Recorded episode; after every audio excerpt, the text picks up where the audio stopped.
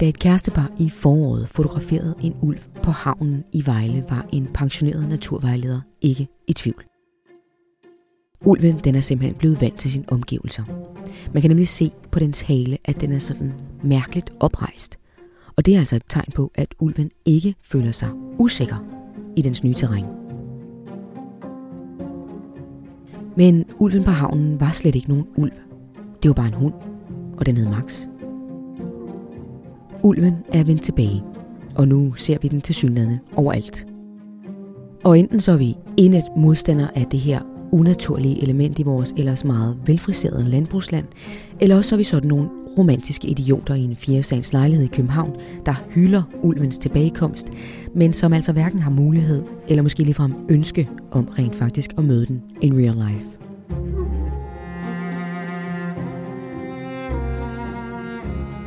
Debatten afslører en større kamp mellem menneske og natur, og det er at forstå os selv som en del af den. Hvem er vi egentlig? Hvem har lov til at leve? Hvem har ret til at leve? Intet andet dyr er genstand for så mange fortællinger som ulven. Den er spundet ind i mytologier og symboler, eventyr og forestillinger, og måske netop derfor kan den lære os mere, end vi lige skulle tro. Og jeg tror, nej jeg er faktisk sikker på, at en roman fra en snart 90-årig svensk kvinde kan lære dig at se helt anderledes på både ulven og dig selv.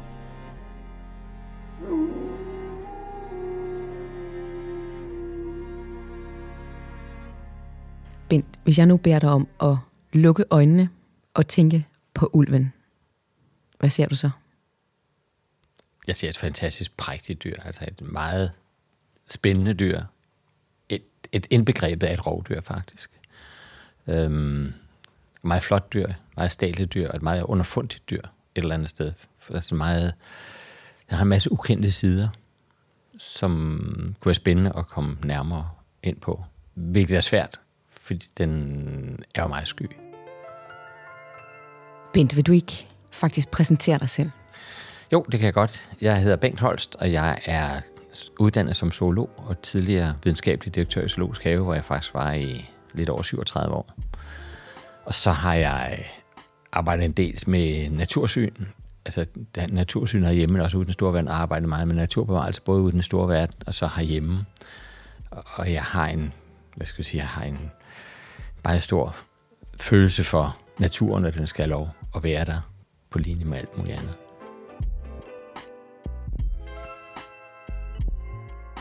Hvad er så det værste ved, at der nu igen er ulve i Danmark? Du må ikke være positiv. Ej, det er svært. Jeg havde håbet at du spurgte, hvad er det bedste ved det? Nå, jamen det værste, jamen det værste, det er nok, at øh, den polariserede debat, der kommer omkring ulven, og dermed også omkring naturen. Enten er man for ulven, eller også er man imod ulven. Og tilsvarende, det smitter sig af på hele natursynsdebatten.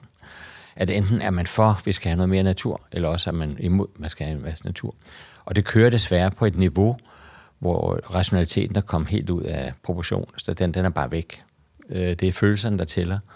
Og det synes jeg nok er det værste med, at den kommer tilbage, at vi får sådan et forhold til en meget vigtig del af den danske natur.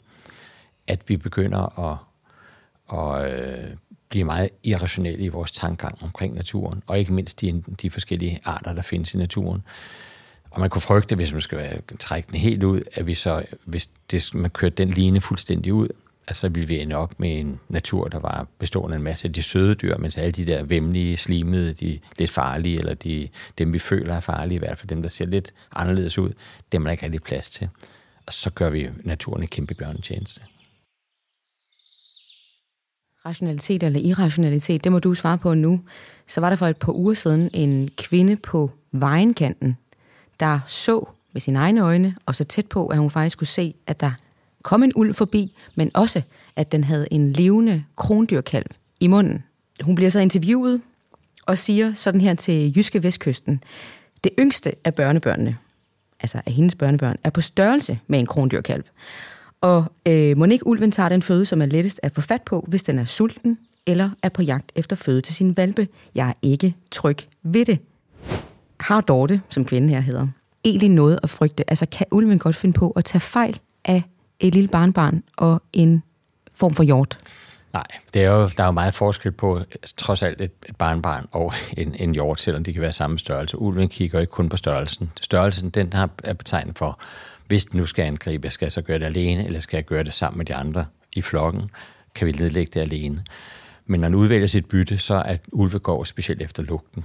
Øh, og der er vi slet ikke på spisesedlen på nogen som helst måde, fordi mm. tværtimod, den er meget, den frygter mennesket, og det er gennem mange, mange, mange, mange hundrede år, eller mange tusind år faktisk, at den frygter mennesket, fordi det er ikke særlig godt at komme alt for tæt på mennesket.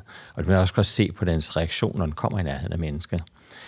Så man skal ikke frygte for at have sine have sin børn i haven, eller gå tur med børnene ude i skoven på nogen som helst måde, for den betragter ikke hverken den lille eller det store menneske som et bytte.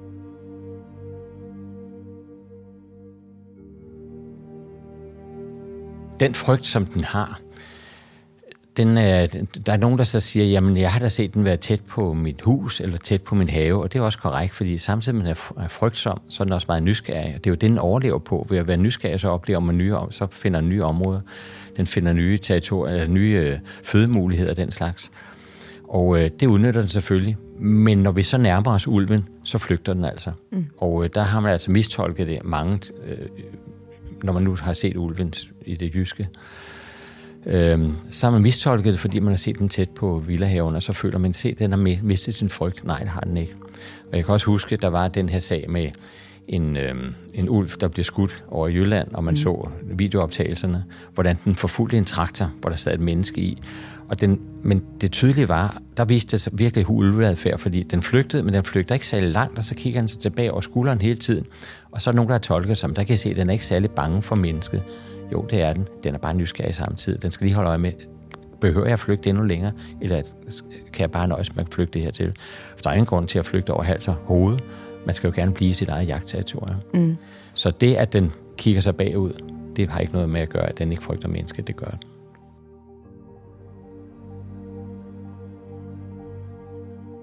Men altså, når man nu ser øh, ulven i dens øh, andre territorier rundt omkring i verden, i store nationalparker, i Østeuropas bjerge og sådan noget, og, og så følger vi den her hjem til, og så går den lige pludselig på fortoget øh, med biler i baggrunden. Øh, altså, er, er Danmark virkelig ikke, altså er det ikke for lille øh, til sådan et rovdyr? Det er ulven, der afgør det. Danske landskaber er et typisk kulturlandskab. Det er rigtigt, og vi bor meget tættere end hvis du går til Yellowstone Nationalpark i USA for eksempel, eller ned i de store nationalparker ned i Italien for eksempel. Men det er ulven, der har valgt at gå op i Danmark. Det er jo ikke sådan, den er blevet sat ud i Danmark. Den er kommet ned fra det tyske. Er du sikker på det? Det er jeg 100% sikker på. Mm. Så den er kommet ned fra det tyske, og så efterhånden som bestanden dernede har bredt sig, den er blevet større og større, jamen så begynder de unge ulve at vandre ud fra det her område, og de vandrer så, og de kan jo vandre rigtig meget, altså virkelig langt. Og de går i forskellige retninger. Og det er jo ikke sådan en, der har sagt, jeg skal til Jylland, og så tager man op, og så går den til højre, og så går den til Jylland. Den er gået ud, og så, den, så længe der er mad, og der er sikkerhed omkring den, så, så bliver den gå, vil den blive ved med at gå ud i det her område. Nogle af de her ulve, de er så nået til, til Jylland, hvor de stadig kan kunne finde føde. Og vi skal også huske på, at i Jylland er der masser af mad til ulve. De lever typisk af rådyr. Og der er rigtig mange rådyr og krondyr for den sags skyld også i, i Jylland. Og der er altså, så længe der er mad, og den også kan finde sted at være i fred med sine unger, og den kan være i fred for mennesket, jamen så har den det ganske udmærket. Og så er det den, der bestemmer, hvor mange der kan være. Men når folk siger, at Danmark er for lille, så er det jo også øh, måske mere et spørgsmål om, at mennesket synes, at Danmark er for lille et land. Ja. Og det er jo rigtigt. Og det er jo fordi, man har den der irrationelle angst for ulven. Altså vi siger jo ikke, at den er for lille til at have øh, rigtig mange rådyr eller krondyr i det danske landskab. Tværtimod, der synes man, det er prægtigt at se de her ting. Og ulven hører jo altså til det samme. Den hører også til et blandt de her hjemmehørende dyr, som man kalder det. Altså dyr, som egentlig hører til i det danske landskab. Vi skal også huske på, at ulven er jo ikke et fremmedelement, der er kommet til Danmark. Den har godt nok været væk i 200 år, men det er fordi, vi har skudt den bort øh, oprindeligt. Og så er den nu så kommet tilbage, og så mener jeg, at man skal se det som en gave, at vi nu har vi muligheden for igen at se det her fantastiske rovdyr, plus at få en dynamik i naturen, som er meget vigtig for den stabilitet, der er i naturen, og stabiliteten, der er i den biodiversitet, som vi skal gøre, hvad vi kan for at bevare. I 200 år var den væk. Altså ikke fordi den var gået sin vej sådan helt frivilligt. Vi udrydde den med fuldt overlæg. I tusindvis af år, der havde ulv og menneske ellers levet side om side i Danmark som rivaler, skabt til at jage de samme dyr. Men så ændrede mennesket livsstil. Vi lagde simpelthen jagtvåbne fra os, og så levede vi i stedet af vores korn og vores husdyr. Og på den måde, der ændrede ulven samtidig karakter fra rival til skadedyr. I 1600-tallet, der går klapjagten for alvor ind. Man skyder paniske ulve på flugt, man dræber dem med forgiftet kød, eller man fanger dem i sakse eller huller i jorden, hvorefter de aflives. Eller ødelægges, som der står i tidens jagtforordninger. Den sidste ulv bliver skudt i 1813 lidt syd for Skive i Midtjylland. Men den bliver ikke bare skudt. Den bliver hængt til skue. Den skulle ydmyges og skamme sig, selv i døden. Her til lands der havde vi nemlig i hundredvis år den her ret bizarre tradition, nemlig at hænge dræbte ulve til skue. Det blev simpelthen klynget op med jernkæder i galger og navlet fast med jernbolde. Og der hang de så, indtil kødet simpelthen faldt af dem.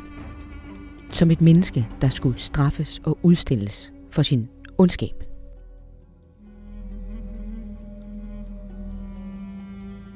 Hvorfor hader vi ulven så meget? Jeg vil sige, det, det værste, der er sket for ulven, er nok sådan noget som en, en historie som Rødhæt og ulven, som afspejler meget fint den holdning, som mange har til ulven, at ulven er det her klubske rovdyr, der har mennesker på spidsel og vil gøre, hvad den kan for at spise mennesker, store som små. Øh, og der, der er ikke noget, der kan være mere forkert næsten end, end, end, end den der del af historien. Men jeg tror, det hænger selvfølgelig noget sammen med, at vi er helt tilbage i middelalderen, og også før middelalderen for den sags skyld. Når, da vi begyndte at holde husdyr, der har, der pludselig, har vi pludselig lavet nogle madpakker lige foran ulven. De har været omkring os. De har, vi har levet blandt ulve igennem rigtig mange hundrede år, mange, gennem tusindvis af år. Så har vi husdyrene, det vil sige, at pludselig har vi samlet nogle dyr på et sted, som er en meget let madpakke for ulven omkring os. Så den er pludselig blevet tiltrukket af de der husdyr. Den er samtidig været bange for mennesker, men tiltrukket husdyrene. Og det er klart, det skaber en negativ holdning til ulven, fordi husdyrene var jo en meget vigtig mm. del af, af, af husholdningen. Samtidig så man jo på de store krige i Europa og i mange andre steder. Efter de store krige lå der fyldt med lig og sårede rundt omkring på slagmarkerne. Og hvem er de første, der kommer dertil, ud over de flyvende ådsesteder? Jamen, det er ulven. Og ulven kommer, har man så set, når man kommer tilbage til de her slagmarker. Ulven står og gnaske i døde og sårede ude på slagmarken. Og det er selvfølgelig en barsk affære, det ser barsk ud, og på den måde er ulven blevet et, et form for indbegrebet af det onde omkring krig og ødelæggelse og død og den slags. I 2018 der skyder og dræber en 66-årig øh, jæger i Vestjylland jo en ulv fra sin bil. Og øh, det var ulovligt på flere måder, fordi man må ikke skyde hverken dyr eller mennesker fra sin bil, ja. og man må slet ikke skyde fredede dyr. Nej. Øhm, han blev straffet med 40 dages betinget fængsel, men får altså lov at beholde sit jagttegn. Mm. Det var med al sandsynlighed ikke første gang, at nogen eller noget tager øh, livet af ulven i Danmark. Weekendavisen de skriver året efter, at Danmark er et utroligt farligt sted at være ulv i. Øh, og de skriver sådan her, en efter en forsvinder de sporløst, og seks ud af de første ni indvandrede ulve er væk. Noget eller nogen tager livet af dem. Bent, er det på en måde forståeligt, at folk kan være så bange, eller måske bare virkelig trætte af ulven, at de griber til selvtægt? Selvtægt er aldrig ok, uanset hvad. Øh, og er angsten, jeg forstår godt, at nogen kan være bange, fordi den er blevet talt op. Angsten for ulven er blevet talt op, også i medierne, øh, og igennem århundreder har man talt angsten for ulven op. Selvom der, hvis man kigger på data, hvis man kigger på de faktuelle forhold, så er der jo slet ikke sket det med, med at ulven har jo slet ikke været det der glupske rovdyr, som man har gjort det til. Jo, den der glupsk over for de rådyr, altså de, de byttedyr, de har, men ikke over for mennesket. Der er så få dokumenterede øh, eksempler på, at ulven har angrebet mennesker, og i langt de fleste tilfælde, hvor det har været tilfældet, der er det ulve, der har været angrebet af hundegalskab, altså rabies, hvor de bliver mere opsøgende på mennesker, hvor de bliver mere aggressive. Øh, når det er så sagt, så må vi også sige, at der er en angst, og den skal man selvfølgelig tage alvorligt, fordi når man har angsten, så har man det, så føler man virkelig, at der er noget at være bange for. Og derfor er det også væsentligt, også i den debat, man har, at man tager angsten alvorligt, men også samtidig prøver at få talt den ned, ikke ved at sige, at du er dum, du er dum at være bange, men altså ved at sige, jamen altså, der er ikke noget at være, prøve at virkelig at få fakta på bordet og vise, at der er ikke noget at være bange for i den der sammenhæng. Og prøve at få talt ulven op som det prægtige væsen, det nu engang er. Men, men øh, hvad nu med, jeg tror, at ham her jægeren her var måske ikke nødvendigvis bange. Han var bare mega træt af, at den skulle øh, rende rundt på deres kant, hvor de ligesom har landbrug og dyr. Og han synes ikke, at der skal være sådan et dyr lige der. Vi er jo vant til, at vi bestemmer, mm, ja. hvilke dyr der er her, og hvornår, og hvordan de skal have. Det er rigtigt, og derfor vil jeg også jeg har slet ingen sympati med hans holdning til det den der, på nogen som helst måde, fordi det har ikke været en, en egentlig fysisk angst for, at den skulle angribe mennesket, sandsynligvis i hvert fald. Det var mere et spørgsmål om, den skulle bare ikke være her. Og det er jo helt forkert. Der er jo en årsag til, at man freder sådan en dyr, og det er nu engang den beslutning, som samfundet har taget. Så derfor, det han har gjort, det er fuldstændig uhørt. Det er usagligt, og det er uhørt, og imod alle regler i samfundet, og kan ikke forsvares på nogen som helst måde. Og jeg forstår faktisk ikke, at han føler opbeholdt sit jagttegn. Siger det måske alligevel også noget om, at øh, hvor, hvor langt vi er i den øh, erkendelse, accept af, at vi ikke bare kan gå og skyde på det, vi ikke kan lide, når man faktisk får lov at beholde sit jagttegn. Ja. Og det siger en lille smule om, at men jeg mener ikke, man tager det alvorligt nok. Altså, hvem der så end har besluttet den her, det mener jeg, så har man ikke taget sagen her alvorligt nok. Øh, så er man bare sådan, ja, men altså, han har gjort en forkert ting, og så er det sanktioneret med noget betinget fængsel, og så ikke længere i den der sammenhæng. Øh, Øh, jeg tror, man bliver nødt til at erkende, at hvis vi vil fagnekriminalitet, som det hedder, til livs, og det gælder også, når man skyder øh, øh, rovfugle, som man her ikke må i Danmark, eller udlægger gift til dem og den slags, det er ikke acceptabelt. Samfundet vil ikke have det, uanset hvad man selv, det forhold, man selv har til de her rovfugle eller til rovdyrene så er det altså ikke ok at gå og lave selvtægt i den der sammenhæng, ligesom det jo øh, heller ikke er ok at lave selvtægt over for en masse andet dyrehold, der er rundt omkring. Og det skal man sanktionere på ordentlig vis, og det skal have en tilstrækkelig høj straf, til man føler, okay, det her, det gjorde altså ondt. Jeg kunne alt for tydeligt se den unge tæve hende på bordet, og Ronny, der løftede hendes venstre bagben op, så jeg kunne se kønnet. Så fornedret, tænkte jeg. Så blodigt og skammeligt fornedret af en idiot, der bare skal føre sig frem. Sådan beskriver den 70-årige pensionerede forstkandidat Ulf sine tanker i romanen Ulvespring. Kort forinden havde hans jagtvenner nedlagt en hundulv et sted inde i de store svenske skove. Men Ulf, der ellers selv er jæger og jagtleder til med, var som en forandret mand. En frostklar nytårsmorgen, der vendte synet af en ulv nemlig fuldstændig op og ned på hele hans eksistens. Synet af en ulv i skovbrynet den iskolde morgen får ham til at stille spørgsmålstegn ved, hvem han overhovedet er som menneske. Da jeg kom til mig selv efter dette syn, kunne jeg mærke, hvor stiv og forfrossen jeg var blevet af at sidde stille så længe. Hvor længe det havde varet, vidste jeg ikke. Det, jeg havde oplevet, var hinsides altid og udmålingen af den.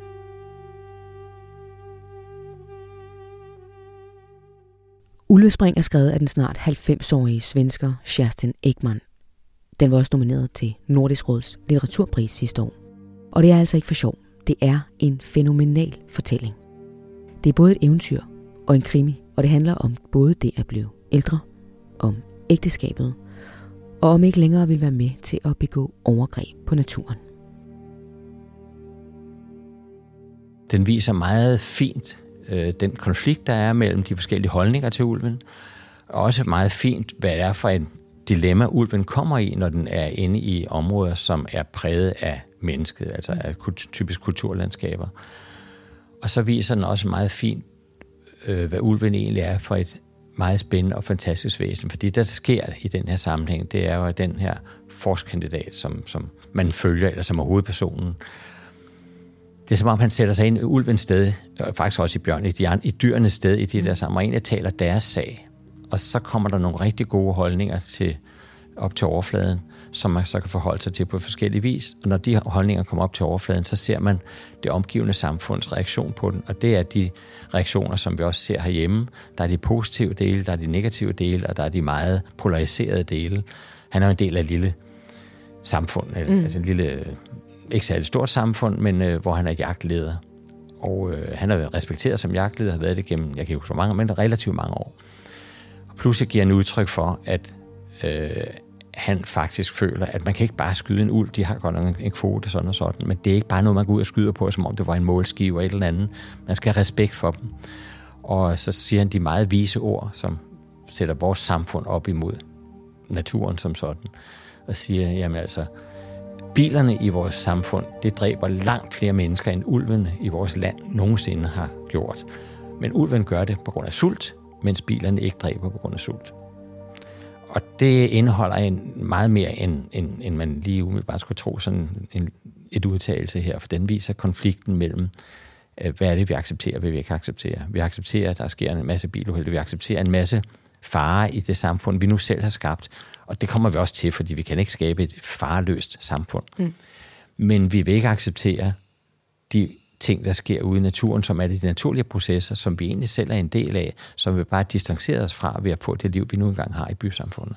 Og man fornægter jo på en måde andre retten til at leve, ja. fordi det handler sult jo om, det handler jo om at overleve. Ja, det gør det, og man fornægter de naturlige processer, der er ude i naturen. Og der er nu engang de naturlige processer, der hedder, at rovdyrene skal ledlægge nogle bytte for at få, og vi skal også huske plantederne, de er jo heller ikke helt uskyldige i den sammenhæng, fordi plantederne, de konkurrerer jo også, de udkonkurrerer mm. hinanden for at få adgang til det bedste føde.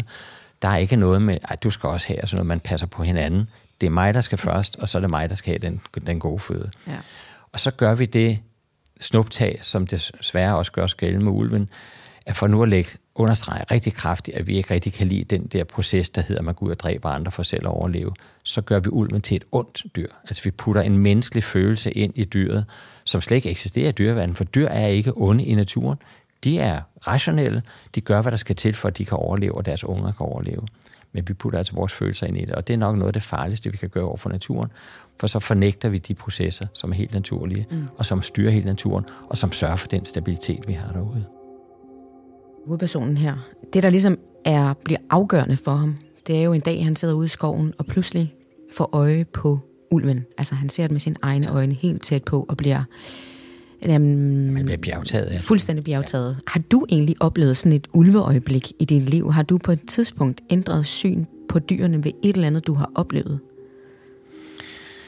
Ja, og det er meget uskyldigt set i forhold til hele ulvedebatten, mm. fordi jeg tror, og det har jeg altid brugt, jeg tror faktisk noget af det, der for alvor triggede mig som barn, det var, da jeg faldt over en bog om regnormen. Og jeg synes, det var dybt fascinerende. Tænk, at sådan en lille dyr som regnormen, som mange egentlig bare ser som sådan en udtørret streg, der ligger på fortorvet om en sommerdag, eller som kommer op der om foråret og solsorten spiser, at de har et så spændende liv, som den bog kunne beskrive. Det var virkelig... Hvad, hvad er det mest, mest fascinerende ved en regnorm? Jamen regnorm, det er jo hermofroditter, som man kalder dem. Det vil sige, de er både han og hunder i et, i et individ. Og så har de altså et fantastisk spil over for hinanden, hvor de lægger sig modsat hinanden, altså hoved mod hale og hale mod hoved. Og så udveksler det hver for sig den sæd, det nu engang begge to skal have over i den anden, der så har en gruppe, hvor det kan holdes i.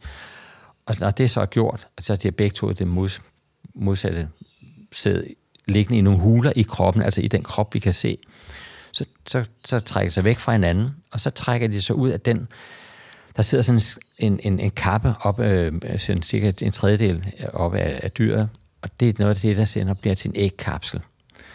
Og der trækker han sig ud af den, fuldstændig ligesom du tager, øh, tager hvad hedder det, det der sidder omkring en, en, en cigar, sådan mm. det der mavebælte af, der tager du det af, før du, før du ryger den. Så krænger han sig ud af det der, og så, når, når den så krænger sig ud af det der mavebælte, den har, så ligger ægget, de frugtede æg derinde i, og dem ligger så ned i jorden, og der ligger de så og bliver klækket til de der små orme, og så bliver det til store orme, og så går det videre og videre. Det er smart. Jamen, det er smart, og samtidig er det jo en af de mest fantastiske ingeniører i vores jord. Det er dem, der bearbejder jorden for os, så vi kan dyrke den, sørge for, at den hele tiden er frugtbar, sørge for, at den er luftig og, og alt sådan noget.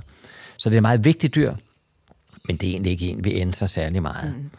Men det viser også bare noget med, at der er så mange spændende dyr, også planter, ude i naturen, som vi egentlig ikke tænker så meget over, for de er der bare. Men hver især har det en helt fantastisk historie at fortælle. Vi skal bare have nogen til at fortælle deres historie. Ulven er en af dem. Og de skal ikke gøres til hverken gode eller onde. De er bare naturlige og enormt spændende. Og den holdning, Bent, øh, det lærte du også lidt resten af verden om. øh, hvis vi nu lige øh, går tilbage til 2014, så fik du i hvert fald på en eller anden måde forklaret folk, at dyr er ikke øh, en form for deltager i en Disney-film, ja. og de er hverken onde eller gode eller noget som helst andet. I løbet af få dage, der modtager du 40.000 rasende e-mails og endda dødstrusler. Mm. Hvis der nu er nogen, der skulle have glemt, hvad der skete dengang, vil du så ikke lige prøve at forklare det?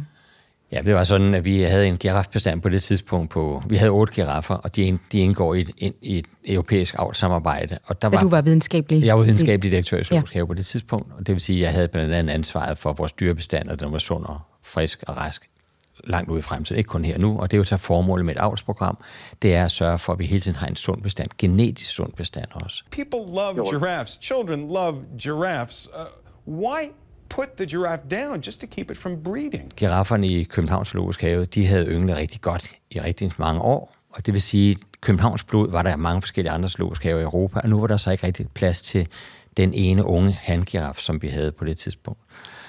Og så efter at have snakket med en såkaldt artskoordinator, det vil sige den person, som sidder og styrer det her avlsprogram, og det var en, der sad i Tyskland i en tysk zoologisk have, og sagde, at vi har den der, kan du finde et sted til den, hvor, hvor, der ikke, hvor det ikke giver problemer med, at den kommer ind, og hvor den ikke indgår i indavl, og vi blev ved med, det kørte vi sådan et års tid, det der, hvor vi følte den lidt på tænderne. Det kunne han så ikke til sidst, og sagde, okay, så er vi altså nødt til at aflive den. Det er jo ikke anderledes, end det også naturen gør. De vil altid der fødes langt flere unger, end der er plads til i naturen. Det er fordi naturen høster dem hele tiden. Og hvis du tager et løvekuld, der er fødes typisk fire unger i kuldet. Der er kun en af dem, der når at blive to år gammel, altså bliver kønsmoden.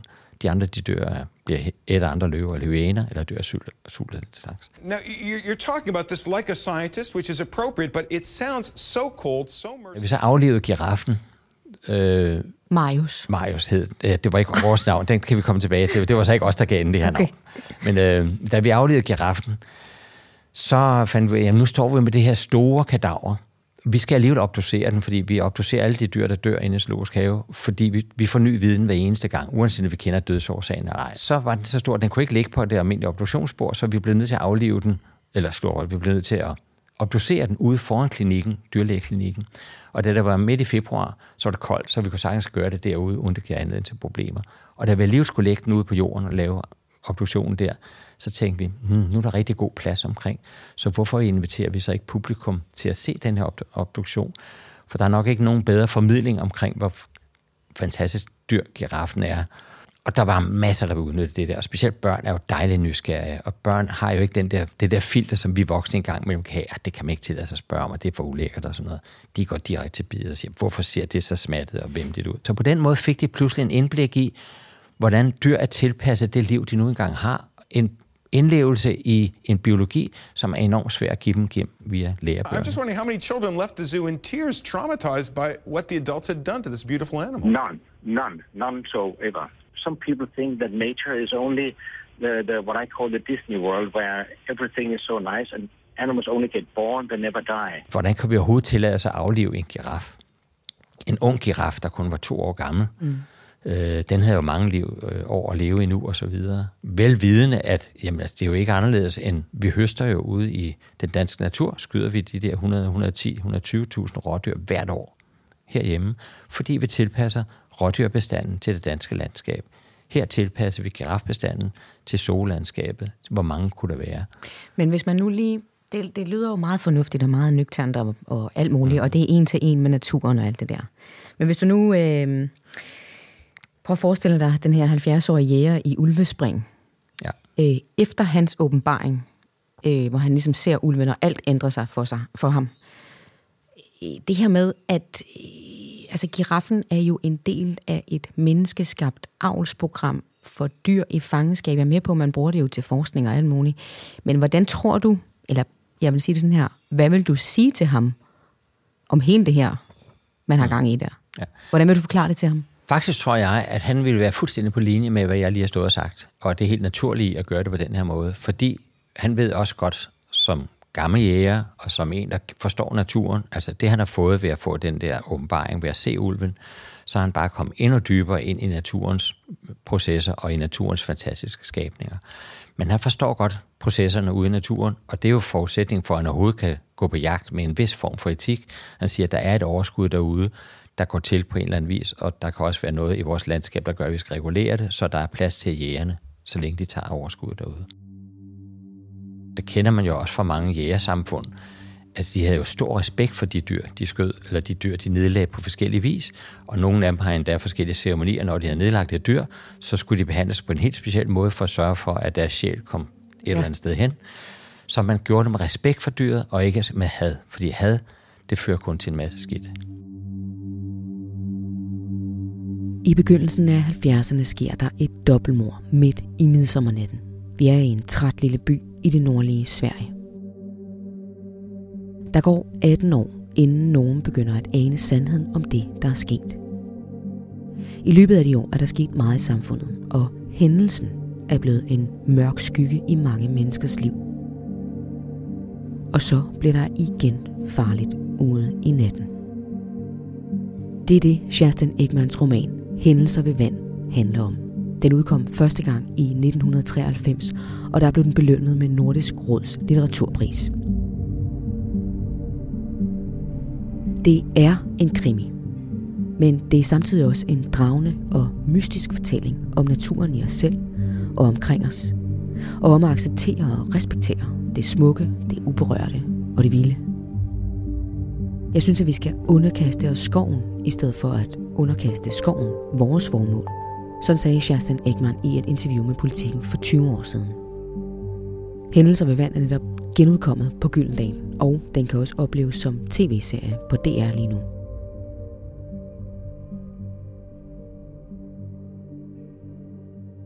Man mente, før kristendommen kom til, at dyr havde en sjæl, ligesom vi havde. Planter havde en sjæl. Øh, så derfor så, øh, ja, så lavede man ceremonier med dem, man skar små stykker ud, som man ja. hang i halsen, og det efter kristen og måske bare i nyere tid generelt, har vi jo haft en oplevelse af, at dyr ikke har en sjæl, og derfor skal vi herske over dem, derfor har vi lov til at bestemme over dem. Fordi vi har en sjæl, så vi er på et højere niveau. Men oplever du, at der faktisk for tiden er en forandring på vej i vores generelle syn på naturen og dyr? Hvad jeg, jeg føler desværre, at uh, der sker en polarisering i samfundet, så der, der er dem, der er meget for dyrene, eller for naturen i det hele taget, og så er der dem, der er meget imod visse dyr. Mm. Altså man siger, ja, det er dejligt med en masse dyr, men dem der, som vi ikke synes om, de skal ikke være der. For eksempel det der had mod ulven, og det kan også være had mod forskellige andre dyr, mulvarm i græsplænen, mm. eller, eller bierne, der stikker, eller noget af den stil. Velvidende også, når man tænker over det, at det er jo biernes, de er årsag til, at vi overhovedet kan plukke frugter ned fra træerne, fordi det er dem, der sørger for bestøvningen og sådan noget. Den, og den polarisering er enormt farlig. Fordi begynder vi at rydde ud i biodiversiteten for at sige, dem der kan vi lide, dem der kan vi ikke lide, så får vi et meget ubalanceret biodiversitet, som går i stykker. Og det vil også sige, det gælder også den anden side af dem, der, der, der man kan også blive for, for religiøs omkring altså forsvaret for naturen, altså hvor man, hvor man går for langt i den retning, hvor man ikke erkender, at vi er altså også en del af et samfund, hvor, hvor der er nogle andre ting, der også skal fungere. Heldigvis er der så i de senere år kommet meget mere fokus på biodiversitet, fordi vi begynder, vi begynder at tale det op, og også fordi man er begyndt at diskutere, hvor slemt det egentlig står til, når man begynder at åbne folks øjne for, hvor, hvor grimt det er. Også med klimakrisen og biodiversitetskrise og klimakrise, de går jo hånd i hånd. Løser man ikke det ene, så kan man heller ikke løse det andet. Så der, der er begyndt at komme sådan en holdning til, at det er noget, vi skal gøre noget ved. Men derfra så til, at når vi kommer til de konkrete beslutninger og gør noget ved det, der er stadigvæk langt, fordi vi samtidig har den underliggende holdning, at man kan godt lide de søde dyr, man er ikke så vild med de grimme dyr, de smattede og de, de farlige, eller dem, man tror er farlige. Og er der på en måde også stadigvæk lidt en, et, et problem i, at når man øh, for eksempel snakker om biodiversitet og, og ulven i samme øh, sætning, og det, det er faktisk, ulven er faktisk noget, der gør det godt for biodiversiteten, ja, ja. men det er stadigvæk Nå, men så får vi øh, god biodiversitet, og så kan andre dyr og planter ligesom overleve. Og så er vi igen tilbage til, hvad kan jeg bruge det til? Det er fordi, jeg kan godt bruge det til noget, at der er flere dyr, som jeg kan spise, eller planter, som overlever, så jeg kan, øh, altså landbrugsprodukter og ja. whatnot, ikke? Ja. Øh, mangler vi egentlig stadigvæk at acceptere, at øh, livet skal have lov at være her, fordi det lever? Helt sikkert, og, og vi, mangler, og værdi, vi, vi mangler at give det en værdi, bare fordi det er liv. Altså vi, meget af debatten går på, jamen, hvad godt gør det for os mennesker? Og kun dem, der gør det godt for os mennesker, det er dem, vi vil acceptere. Men det er jo helt forkert, fordi kloden, jorden, er det eneste sted, vi ved på nuværende tidspunkt, hvor der er liv. Og der er udfoldet et fantastisk liv, der er udviklet over 3,6 milliarder år. Og det er jo en fantastisk udvikling, vi nu står med det foreløbige slutresultat på, som, og den er stadig under, under transformation, den er stadig ved at udvikle sig, og bliver ved med at udvikle sig i et eller andet, i en eller anden omfang. Vi skynder så desværre på en, en, en udvikling, som er ret dræbende for en stor del af den her biodiversitet. Men vi bliver nødt til at erkende og respektere alt det andet liv. Vi er ikke det eneste, der har lov til at være på den her klode. Og det er meget svært egentlig at sætte tal på. Og, og desværre bliver det jo tit sådan, når vi siger, jamen, hvorfor skal vi bevare biodiversiteten? Så holdes den op. Vi vil gerne bevare de her arter, forudsat det ikke går ud over økonomien. Og når så vi sætter op mod økonomi, så bliver naturen en taber hver eneste gang, fordi det er jo meget svært sådan direkte i hvert fald at sætte tal på det, at der er liv ude i naturen. Men mindre man går ind og kigger på, jamen, hvad gør naturen egentlig for os? Det er jo den naturen, der sørger for, at vi har rent vand. Det er naturen, der sørger for, at vi har rent ilt og lever af. Vi er afhængige af vand og ilt. Og hvis ikke der er en ordentlig natur, afbalanceret natur omkring os, så forsvinder det.